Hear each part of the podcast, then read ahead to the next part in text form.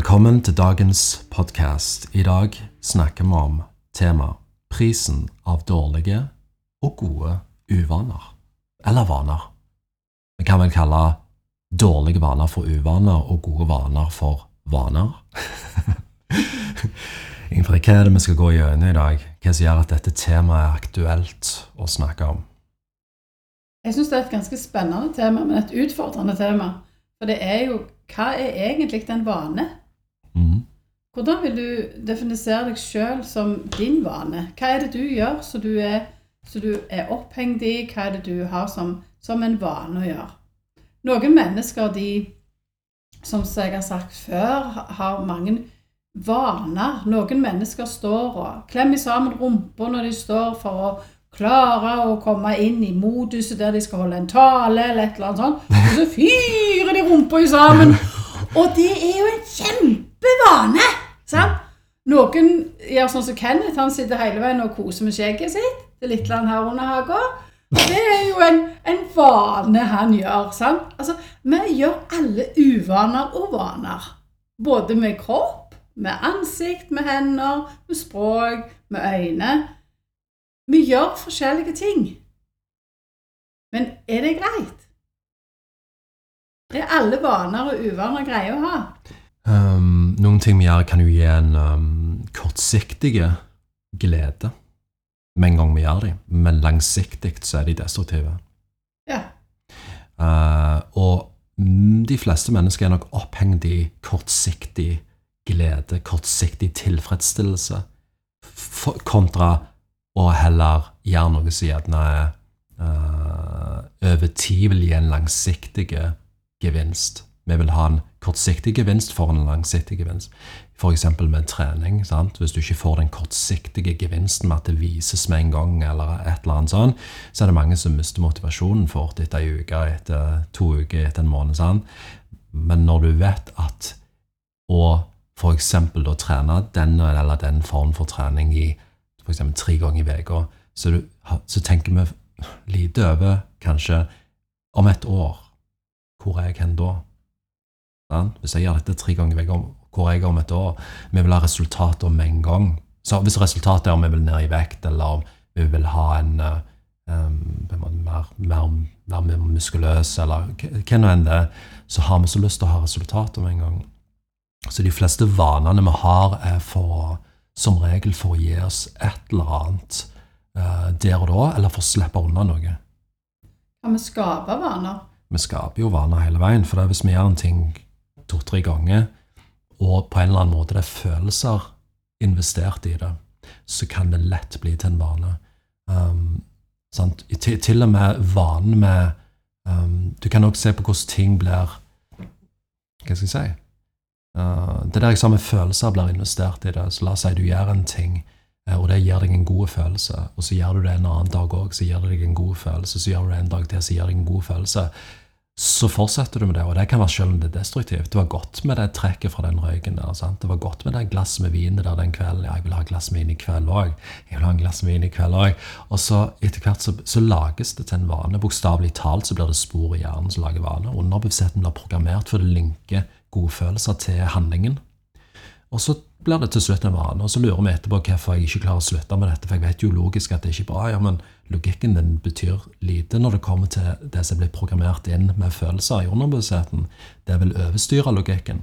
Så det er mye vi vet, og vi har mye fornuft sånn sett. Ja, ja, ikke nødvendigvis alle, men mange er fornuftige og har, har en del innsikt, og sånn, så de, de vet på en måte sånn, ok, um, dette er jo ikke bra for meg, men det er et eller annet som gjør at jeg ikke klarer å slutte. Så skylder vi på de ja, men det er kjemikalene inni røyken eller, alkoholen. Altså, ja, de tingene der for Fysiologisk kan kroppen til slutt bli avhengig av noe òg. Så i tillegg til at du har den på en måte ubevisste den oppførselen din har blitt en vane, men òg så blir kroppen avhengig, avhengig fysiologisk av greiene. Det er òg som å sjekke sosialmedier, f.eks.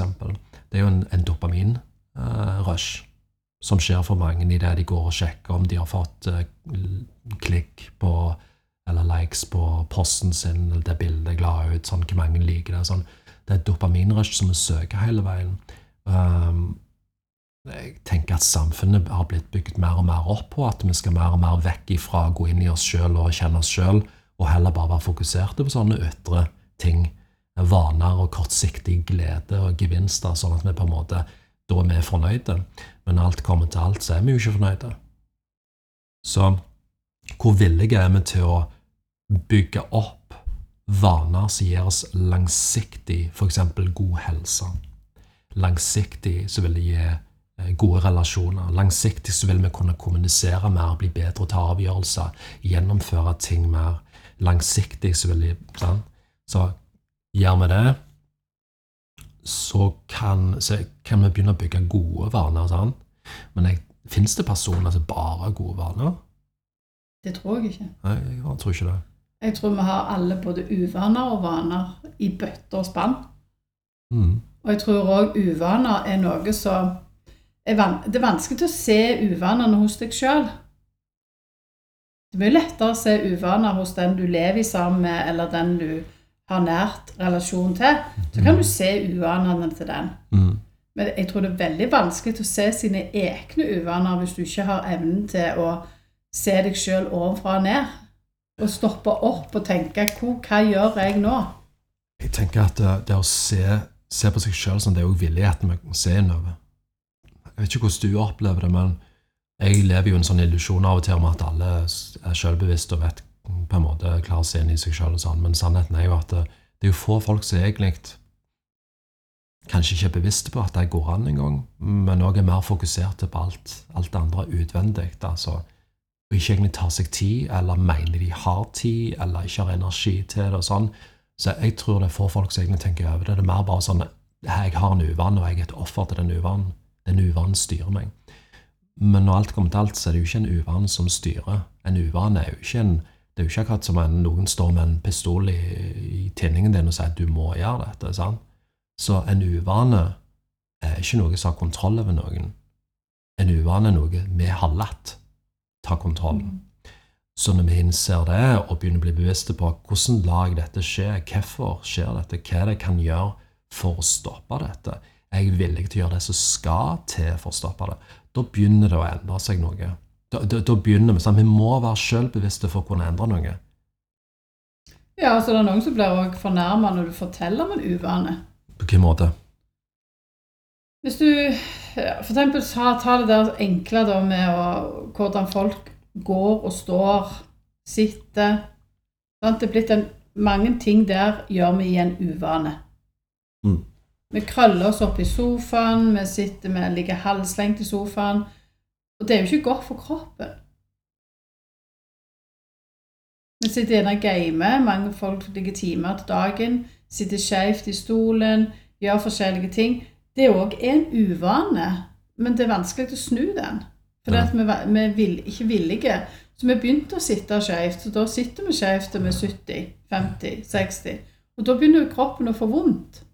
Det er så litt på en måte utfordrende med dette òg, det du sier der det, det har jo med vår egen selvbevissthet òg, men òg kunnskapen vi tar inn. Sant? For en person som har sittet skeivt sånn og sånn, det er ikke sunt å sitte i den stillingen. Sånn. Det er ikke sunt å bøye sånn. Alle de tingene her. Hvor lærer vi å på en måte gjøre det på den riktige måten? Hvis vi skal si, Ikke noe som vi kan kalle rette måten, men den mer sunne måten, den mer balanserte måten. For hvis vi, hvis vi hele veien har fokus på nå, hvordan kan vi holde et mest mulig balansert sinn og en balansert kropp? hvis vi tenker på det, da, mm. så fins det visse ting som gjør oss ubalanserte, og ting som gjør oss mer balanserte. Jeg har ei dame, hun er, er 95 år. Hun, har, eh, hun kom til meg fordi hun hadde så veldig vondt i sida. Hun hadde, hadde, store smerter i, i sidemuskulaturen. Hun kunne ikke skjønne hva dette var for noe, for hun var så sprek og sånn. Så sier jeg det, det er én ting jeg vil si til deg, det er at hva, hva, den der stolen du sitter i Hvorfor sitter du så skeivt i den stolen? Hvorfor sitter du og lener deg over til denne sida? Eh, og hun sto bare himla med meg og sa sånn Hvordan vet du at jeg sitter i en stol, at jeg sitter sånn? Nei, det er bare å se det på kroppen, for du har, du har sådd deg skeiv. Ja, nei, du vet det at jeg har en stol, og så på sida der så har jeg et rokokkobord, og på det rokokkobordet der har jeg kryssord. Så jeg løser kryssord hele dagene. Så du lener deg over til den sida. Ja, ja. Og så har jeg kaffekoppen der, og så har jeg vannet mitt der. og så... Jeg sitter sånn hele dagene. Og så liksom, ja, men det, det sier seg sjøl at det går jo ikke i lengden. Det, det, det sier seg sjøl. Kroppen din forteller meg det. Og så sier jeg etterpå ja, men hvorfor er det ingen som har fortalt meg dette før? At jeg burde ikke sittet så skjevt. At jeg burde ha retta meg opp. og At jeg burde gjerne hatt bordet på andre sida. Eller at jeg burde gjerne hatt to bord. Jeg er jo alene i huset. Jeg kunne hatt to bord. Jeg kunne veksle mellom dette. Så sier jeg nei, det er jo det. Det er ikke så lett å se det sjøl. Men det er en årsak Ja. til smerten. Og det du sier da, det hun spør om hvorfor har ingen fortalt meg det? Hvorfor har ikke hun søkt den informasjonen sjøl? Hun er for gammel. Jeg, jeg, vet, jeg, jeg, jeg, vet- det finnes mange grunner vi kan remse opp her. Mange av de er tomme unnskyldninger òg, faktisk, pga. vi er late, og pga. vi faktisk ikke egentlig setter hva skal jeg si, helsa vår høyt nok i verdihierarkiet vårt over viktigheten. Vi sier, Mange sier at helse er viktig, og sånn, men viser, handlingene våre viser jo at vi ofrer helsa vår på alt mulig slags måter. sant? Så vi sier helse er viktig, men ikke. Så jeg sier ikke direkte til hun her, nå snakker jeg til alle som lytter òg. Hvorfor tar ikke du ansvar for å informere deg sjøl med rett informasjon, riktig kunnskap? Nå snakker jeg ikke om bare å se på ei nettside, ferdig med det, høre på legen din, ferdig med det. For det, vi må søke informasjon fra flere kilder, og så sette de sammen for å se den røde tråden i ting. Sånn er det iallfall jeg mener vi trenger å gjøre det. Og så teste det ut. Hvordan fungerer det? Bare mm, dette her funker veldig bra for meg. sant? For det, det er ikke alt som funker for alle på alle måter. Men det finnes noen sånn selvfølgelig sitte skeivt i ti år sant? over tid. Ok, det er logisk. Selvfølgelig gjør det en, kroppen rettet. Kroppen blir jo skeiv. Sånne ting. Men trenger vi å bli fortalt alt, eller kan vi på en måte begynne å være mer sjølbevisste? Og ikke bare sjølbevisste, men òg bevisste generelt på ting som f.eks. helsa. For grunnen til vi ikke vet mye om det, er fordi at min mening vi lytter til mange kilder som feilinformerer og misinformerer og ikke informerer. Det er derfor jeg sier søke informasjon i et vidt spekter. Ok, hør med en fysiolog, hør med en kiropraktor, hør med en lege, hør med en alternativ behandler, hør med, les ei bok over noen, sant? Altså, hva mange forskjellige kilder, hva sier de, hva er, på en måte likhetstrekkene som går igjen og igjen. Som regel så ligger det informasjon der, men det er bare å lese en artikkel i Se og Hør og så forvente at vi bare, å ja, jeg leste det der, så det, det leste jeg var bra, og det leste jeg ikke var bra. Altså Nå setter jeg ting litt på spissen. Jeg bare syns generelt, min personlige mening, jeg syns at vi har blitt for late, og vi delegerer ansvaret vi har for oss sjøl og helsa vår, over til andre. Jeg kan ikke forvente at andre skal fortelle meg hvordan jeg skal ta vare på meg sjøl.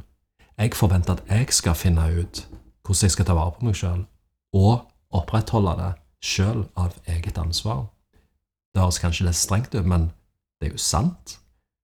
Unger, ungene mine, jeg kan ikke forvente at de tar ansvar for seg selv på den måten. Der har jeg ansvaret, mora har ansvaret for dem.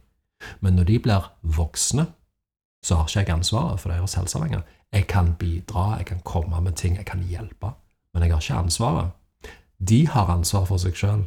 Hva tenker du om dette, Ingrid? Dette her med å faktisk innse hva det betyr å ha ansvar, og at vi har ansvar for helsa vår. Det er så lett å kjøpe altså, Altså, i dag er det vil vi helst kjøpe oss ut av ting. Fiks meg på det.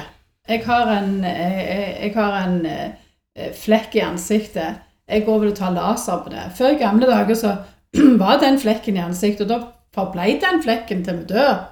Men nå skal vi liksom fikse det òg. Vi skal fikse alt.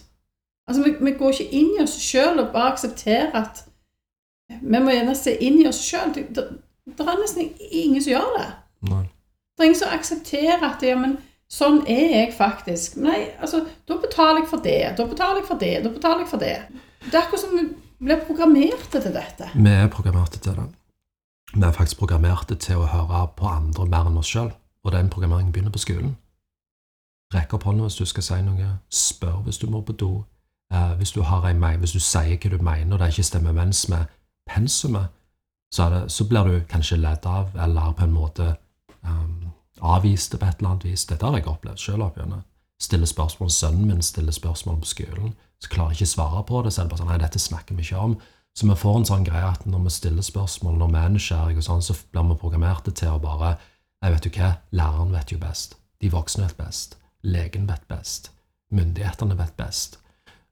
Dette her er, mener jeg er et virus i seg sjøl, der folk gjør seg svake og gir vekk ansvar. Det er det jeg mener. Delegere ansvar til legen din over helsa di, men når alt kommer til alt, så kan ikke legen gjøre så mye med helsa di, for det du gjør hver time av en dag over åra, det er det som gir resultatet. Det er ikke de pillen legen gir deg den gangen du trenger et eller annet. Det er ikke det han eller hun sier.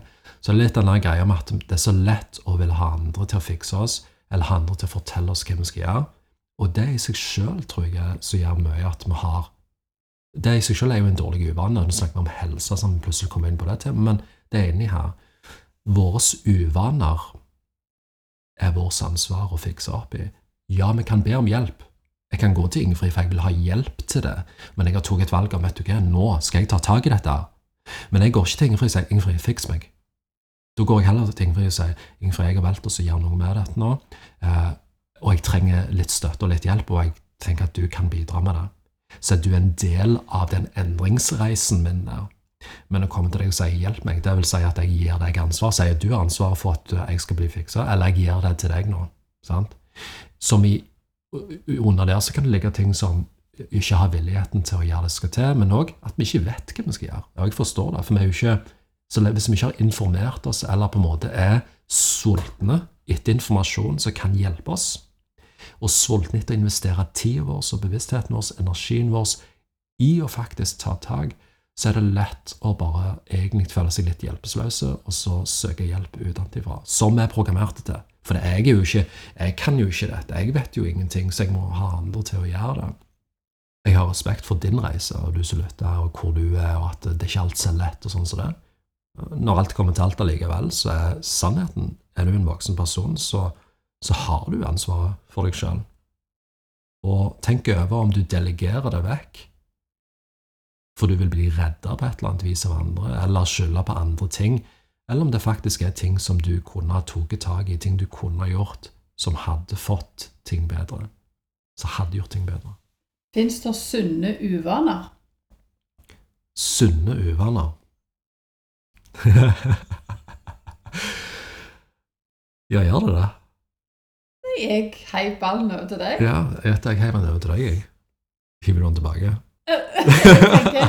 altså, Fins det sunne uvaner? Altså, eh, Hva er en uvane, og, og jeg kan den faktisk òg relatere til en sunnhet? Ok, Så hvis jeg tenker sånn, da Ja, kanskje jeg kom ikke på noe, men det som dukket opp, var En sunn uvane kan tenker, En sunn uvane kan fås på en plass hvor har ødelagt så mye for oss sjøl, eller det blir, blir, så destruktivt at vi på en måte våkner opp en dag og tenker vet du, nå må jeg gjøre noe med dette. Ja, det og så blir det en katalysator som på en måte skyver deg inn på en ny retning. Så en sunn uvane kan på et eller annet tidspunkt potensielt være en katalysator for endring. At den sunne uvanen var faktisk Og så etterpå kan vi se sånn hm, Hvis det ikke hadde vært for den uvanen, så hadde ikke jeg vært her jeg er nå. Mm. Så det tenker jeg eh, kan skje. Så det er ikke Men uvanen i seg sjøl, gjerne handlingen i seg sjøl, er ikke nødvendigvis sunnet der og da, men kan føre til noe bedre. Men det kan òg føre til verre hvis vi ikke gjør endringen. da, kan. Så Det er jo, det er jo forskjellige grader av hva uvaner snakker vi om her. sant? Vi har uvaner med ting vi gjør fysiologisk med kroppen, men det er òg uvaner i forhold til handlingsmønster, tankemønster, måter vi reagerer på, sant? måter vi kommuniserer på. Hvordan reagerer du hvis noen er uenig med meningene dine? Sant? Det er jo òg en form for vane-uvane. Går du alltid imot, eller holder du med? Ja. Går du alltid i forsvar? Eller sier du ingenting fordi at du vil ikke på en måte starte en konflikt, eller du er redd for ikke å være likt, eller redd for å skille deg ut, eller sånn. Så hva gjør vi det? Det er òg uvaner, handlingsmønsteret vårt, måten reaksjonene våre ser på og sånn. Og så er spørsmålet er det en sunn uvane å aldri ytre hva vi mener, holde igjen, le av vitser som ikke er morsomme bare for å være en del av gjengen. Um, sånn. hva, hva gjør vi der? Er disse vanene, er disse mønstrene bra for meg, eller er de faktisk Gjør de meg Tapper de meg? Gjør de meg inautentiske? Er jeg ærlig her? Jeg liker ærlighet, men er vi ærlige? Har du en vane med å være ærlig? Har du en vane med å med å si ting sånn som det, selv om selv om noen kan bli litt såra av det, men, men det er ikke for å såre dem, men det er faktisk fordi det er nødvendig å si det. Eller holder du igjen og bygger det opp inni deg, sånn at sinnet bygger seg opp, og tristhet bygger seg opp, og så føler vi oss misforstått, vi føler oss ikke hørt, vi føler oss ikke sett. Vi føler oss sånn. Så alt, alt blir en sånn Det er så mye hverdag uvaner kan være her.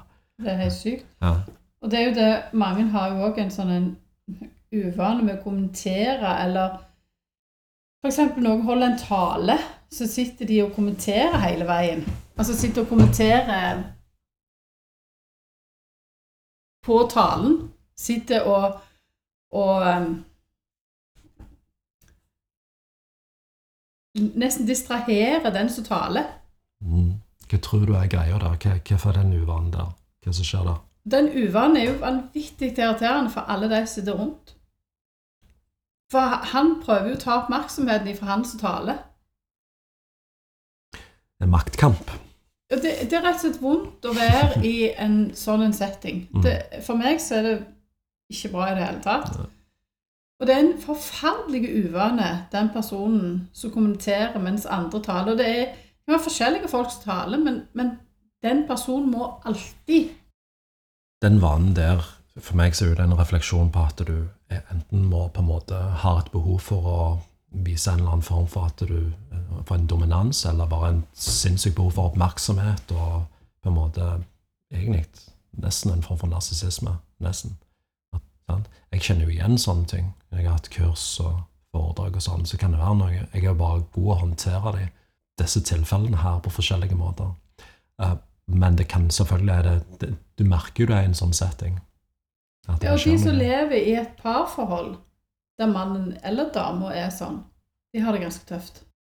Vi kunne delt opp vaner eller uvaner egentlig i, i kategorier. Vi kunne jo sagt f.eks. fysiske uvaner. sant? Hva fys fysiske uvaner har vi i form av eh, Da kan vi tenke på alt eh, ting vi gjør i forhold til helsemessige uvaner, hva vi gjør med kroppen vår, hvordan vi sitter, hvordan vi går, alt det der. sant? Så har vi jo eh, følelsesmessige vaner, uvaner. sant? hva er mønsteret vi har i forhold til reaksjonene våre på ting, og i forhold til hvordan vi håndterer ting følelsesmessig. Så har vi mentale, eller vi kan kalle det psykologiske, egentlig, da, uvaner, vaner. Sant? Tankemønster, hva fokuset vi har, sant? Eh, overtenking, eh, tankemønster som vi på en måte har igjen og igjen. Um, og så har vi jo òg den delen med hvilke spirituelle vaner har vi, eller uvaner. sant? noen jeg sier uvaner, spirituelle uvaner, det kan være folk som eksempel er på en slags åndelig reise der de holder på å hva skal jeg si, utfolde seg der, sant? og så er det gjerne sånn så får vi gjerne uvaner som eh, der vi rømmer mer vekk fra livet vårt for å på en måte Å, jeg vil bare være oppi der, og jeg bare jeg leser disse kortene her, legger kort og leser de, og så kommuniserer jeg med englene her, og sånn og sånn. Og så er det en, faktisk en måte der du rømmer fra din egen realitet på. Regningene de hiver vi bare i boss. eh, Forholdet med meg på en måte Nei, jeg bare fokuserer på, fokuserer på lyset og kjærlighet, og så ordner alt seg. Så er sannheten at livet holder på å rase sammen, egentlig.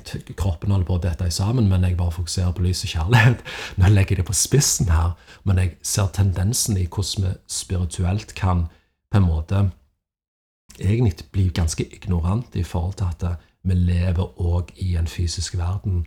Og det å overse problemet og heller fokusere på noe som er lettere, som er jeg vil kalle en sånn spirituell bypass, sant? der du på en måte Jeg velger å ikke fokusere på det problemet, men til slutt så vil det problemet bli så jævla stort at når du, når du må ta hånd om det, så tenker du 'hvorfor gjorde jeg ikke bare det', når du faktisk jeg kunne gjort når det var lite.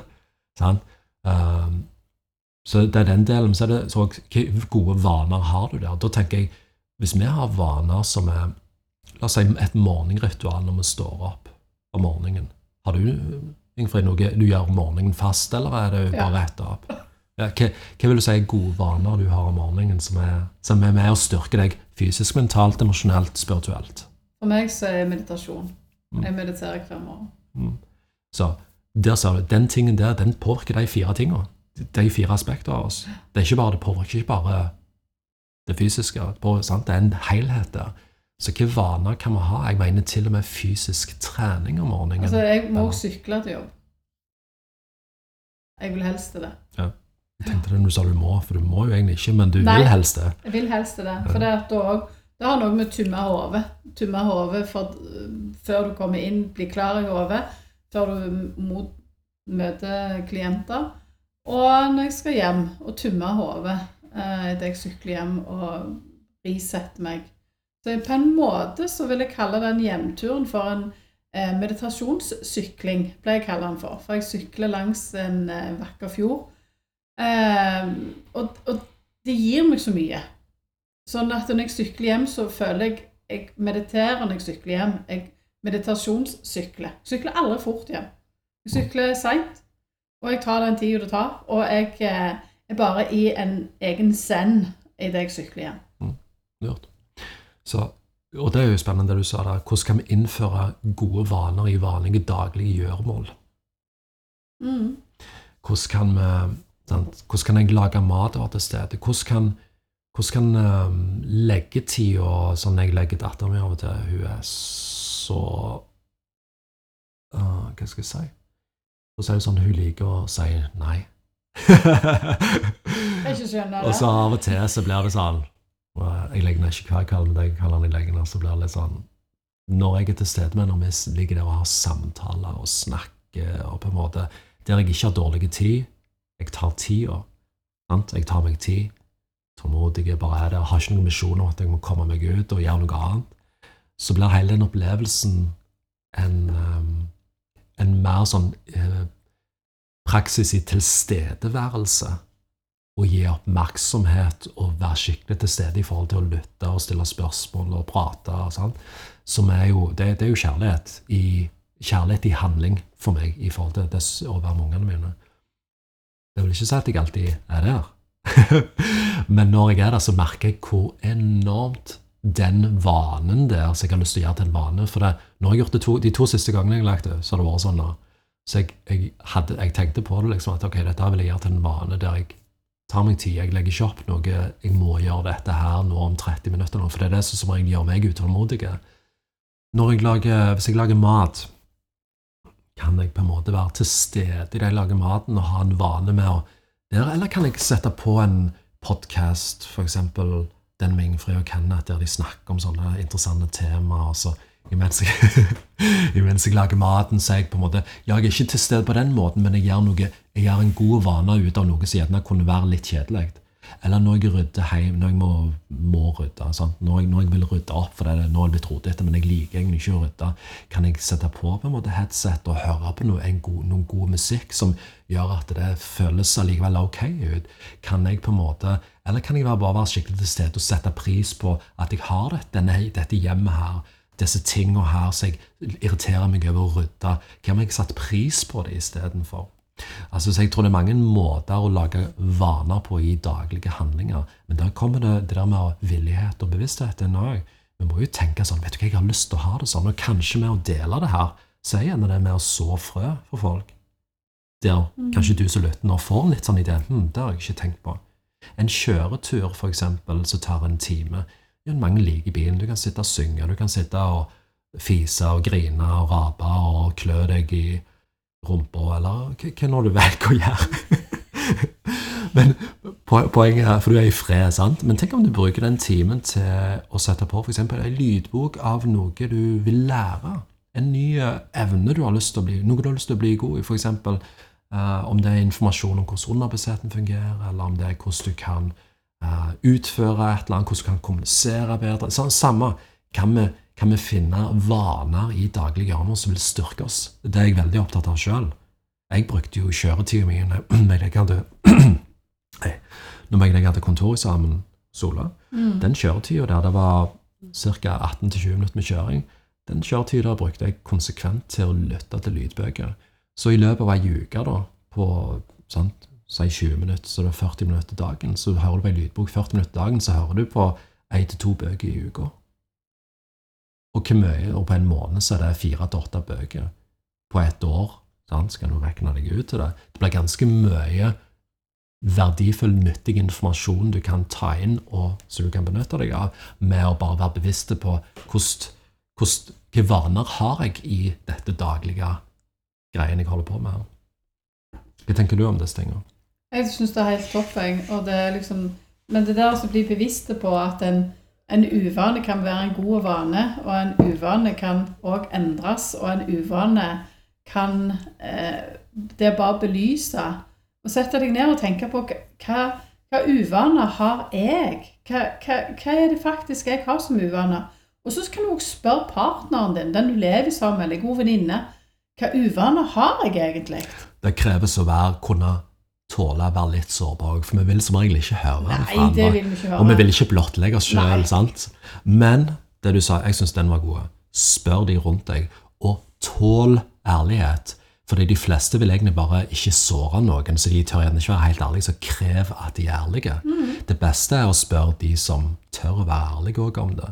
Det er det, kommer på dette, Vi vil ha ærlighet, men helst ikke den ærligheten som er litt sår å ta imot. sant? Nei, den har vi ikke lyst til å ha. Men, men jeg, jeg, jeg, tror det er veldig viktig altså, Er det viktig å vite med sine uvaner? Nei, kanskje ikke for deg, men, men kanskje allikevel. For at den uvanen som du har, kan ennå føle til at den fysiske kroppen din ikke er så god. Og det, altså, uvaner kan, kan, være så mangt, og mange ganger så vet vi jo som sagt ikke hva uvaner egentlig jeg har. Det, det du sa der, var, var noe jeg ville gå inn på litt. Grann grunn til folk og la oss si fysiske uvaner. Folket flest tenker siden den tingen her ikke påvirker meg negativt akkurat nå, så tror vi at langtidseffekten heller ikke er negativ. Ja, men jeg har drukket Pepsi Max i fem år, jeg har ikke merka noe på kroppen min nå. Så er spørsmålet hvordan vet vi hva kroppen din reagerer på her, og hvordan vet vi resultatet av dette ti år fram i tid? Så vi er litt blinde òg i forhold til at ja, men siden jeg ikke merker noe nå, så er det vel ikke noe farlig med det. Men tenk om det er det, for det, jeg kan ikke se inn i kroppen min. Prosesser i kroppen er prosesser i kroppen. En belastning på organet over tid. Belastning på muskler over tid. Belastning på skjelett over tid. Belastning på psyken over tid. På et eller annet tidspunkt vil resultatet vise seg, for eksempel når noen har møtt veggen den veggen kom ikke ut av løse lufta. Den, den var plutselig ikke bare der. Det var mange gule flagg på veien, det var mange advarsler på veien som vi valgte å ikke legge merke til, eller overse eller ignorere fordi at vi var for opptatt i livet, eller vi ville bare fortsette med det sånn vi alltid har gjort ting. Bang, så kom veggen der. Og så klarer ikke vi å se tilbake på alltid tenke sånn Ja, det var det og det og det. Sant? Så gjorde det. Men det er som regel alltid en, det er ikke bare én uvane, det er som regel sammensatt av flere uvaner over tid. Hva tenker du om det? Jeg òg tenker akkurat likt. Og det er så sant det du sa akkurat der. For, for det som skjer med, med, den fysiske kroppen, det er jo det at når du møter disse her flaggene på veien, så låser du av kjeven når du sover. Fordi at du, du tenker på at der var det nye farer, egentlig. Men så overså du den. Du beit tennene sammen, du låste kjeven, så våkner du om nettene at du våkner i fire-fem-tida. Jeg får ikke sove lenger. Nei, hva, det, hva tegner det? Du tenker for mye, det er ting som er uoppgjort, det er vanskelige saker du ikke tør å ta opp. For det er en uvane å bare skufle unna dem. Og så møter du veggen nærmere, nærmere, nærmere, nærmere, nærmere, for det går på hodet til slutt. Tunga glir opp i ganen, den låser seg opp, så du våkner om natta og lurer på klarer jeg i det hele tatt løse kjeven, klarer jeg i det hele tatt få ned tunga, klarer jeg i det hele tatt å drikke et glass vann. Du stresser så ekstremt i hodet og nakken at til slutten så kommer veggen. Veggen kommer av det som vi snakker om, at uh, vi tenker ikke over langtidseffekten av handlingene våre. Og ikke det, jeg tenker sånn, ja, det er ikke det vi skal gå og bekymre oss over alt vi gjør. det er ikke det det er snakk om. Men når du sa 'tenk over hva som er uvanlig', så tenker jeg nesten litt sånn Hvis jeg skulle satt meg ned i dag, og du skulle satt deg ned i dag, så skulle vi skrive en liste av uvanene våre. Så la oss si jeg hadde funnet, tenkt på kategorisert de først. Hvilke fysiske uvaner har jeg? Sånn? Hva følelsesmessige, mentale og, og sånn, Iallfall de tre spirituelt òg, hvis, hvis, du mener sjøl at på en måte du, hvis du forstår hva det er å være på en spirituell reise, eller være uh, våken åndelig, eller på en måte en sånn bevisste på det, så tar du det òg. Men hvis, du, hvis, vi da skriver dette her ned, så tenker jeg sånn La oss si jeg hadde skrevet, funnet tre-fire tre-fire stykker på hver da, kategori. Så kunne jeg sett på det og jeg tenkte sånn Hvilken av disse uvanene her hadde gitt meg mest positiv effekt? og begynt å endre på noe. Hvis jeg endrer på en av disse, hvilken er det som vil faktisk gi meg mest gevinst tilbake? Det er ikke sikkert vi er bevisste på det, men sånn ville jeg gått fram strategisk faktisk på, på meg, og så ville jeg ha plukket ut de tingene som Så hadde jeg begynt å bli litt nysgjerrig. Sånn, ok, Hvordan kan jeg faktisk endre på den? Hva som skal til? Er det noen som kan uh, være med å hjelpe meg? Er det noen bøker jeg trenger å lese? Er det noe jeg trenger å lære? Er det noen ting, Hva som skal til? Hva, må, hva er jeg villig til å betale for dette i, i form av min oppmerksomhet og min tid? For det er jo det som må til. For å endre noe så må vi ha oppmerksomheten vår på å endre det, og vi må bruke tid på det. Tror du en sånn måte godt fram kunne hjulpet med bevissthet rundt det og å skape endringer, eller har du andre tanker? Ingrid? Nei, Det er veldig bra, men det er òg faktisk Jeg har møtt noen som påstår at de ikke har uvaner. Godt for de. så, så der, der, kommer det inn òg, når vi snakker om ignoranse.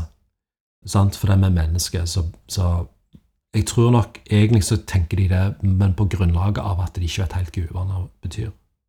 Gjerne de kategoriserer uvaner som røyke, drikke, spise søtt. Altså de der standardtingene som vi tenker på som uvaner. sant?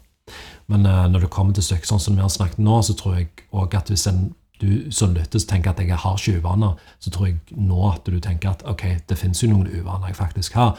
Og det er ikke sånn av og på, En uvane er ikke, det er ikke sånn En uvane kan være fra null til ti. Hvor sterk er den i intensitet? Hvor mye styrer den?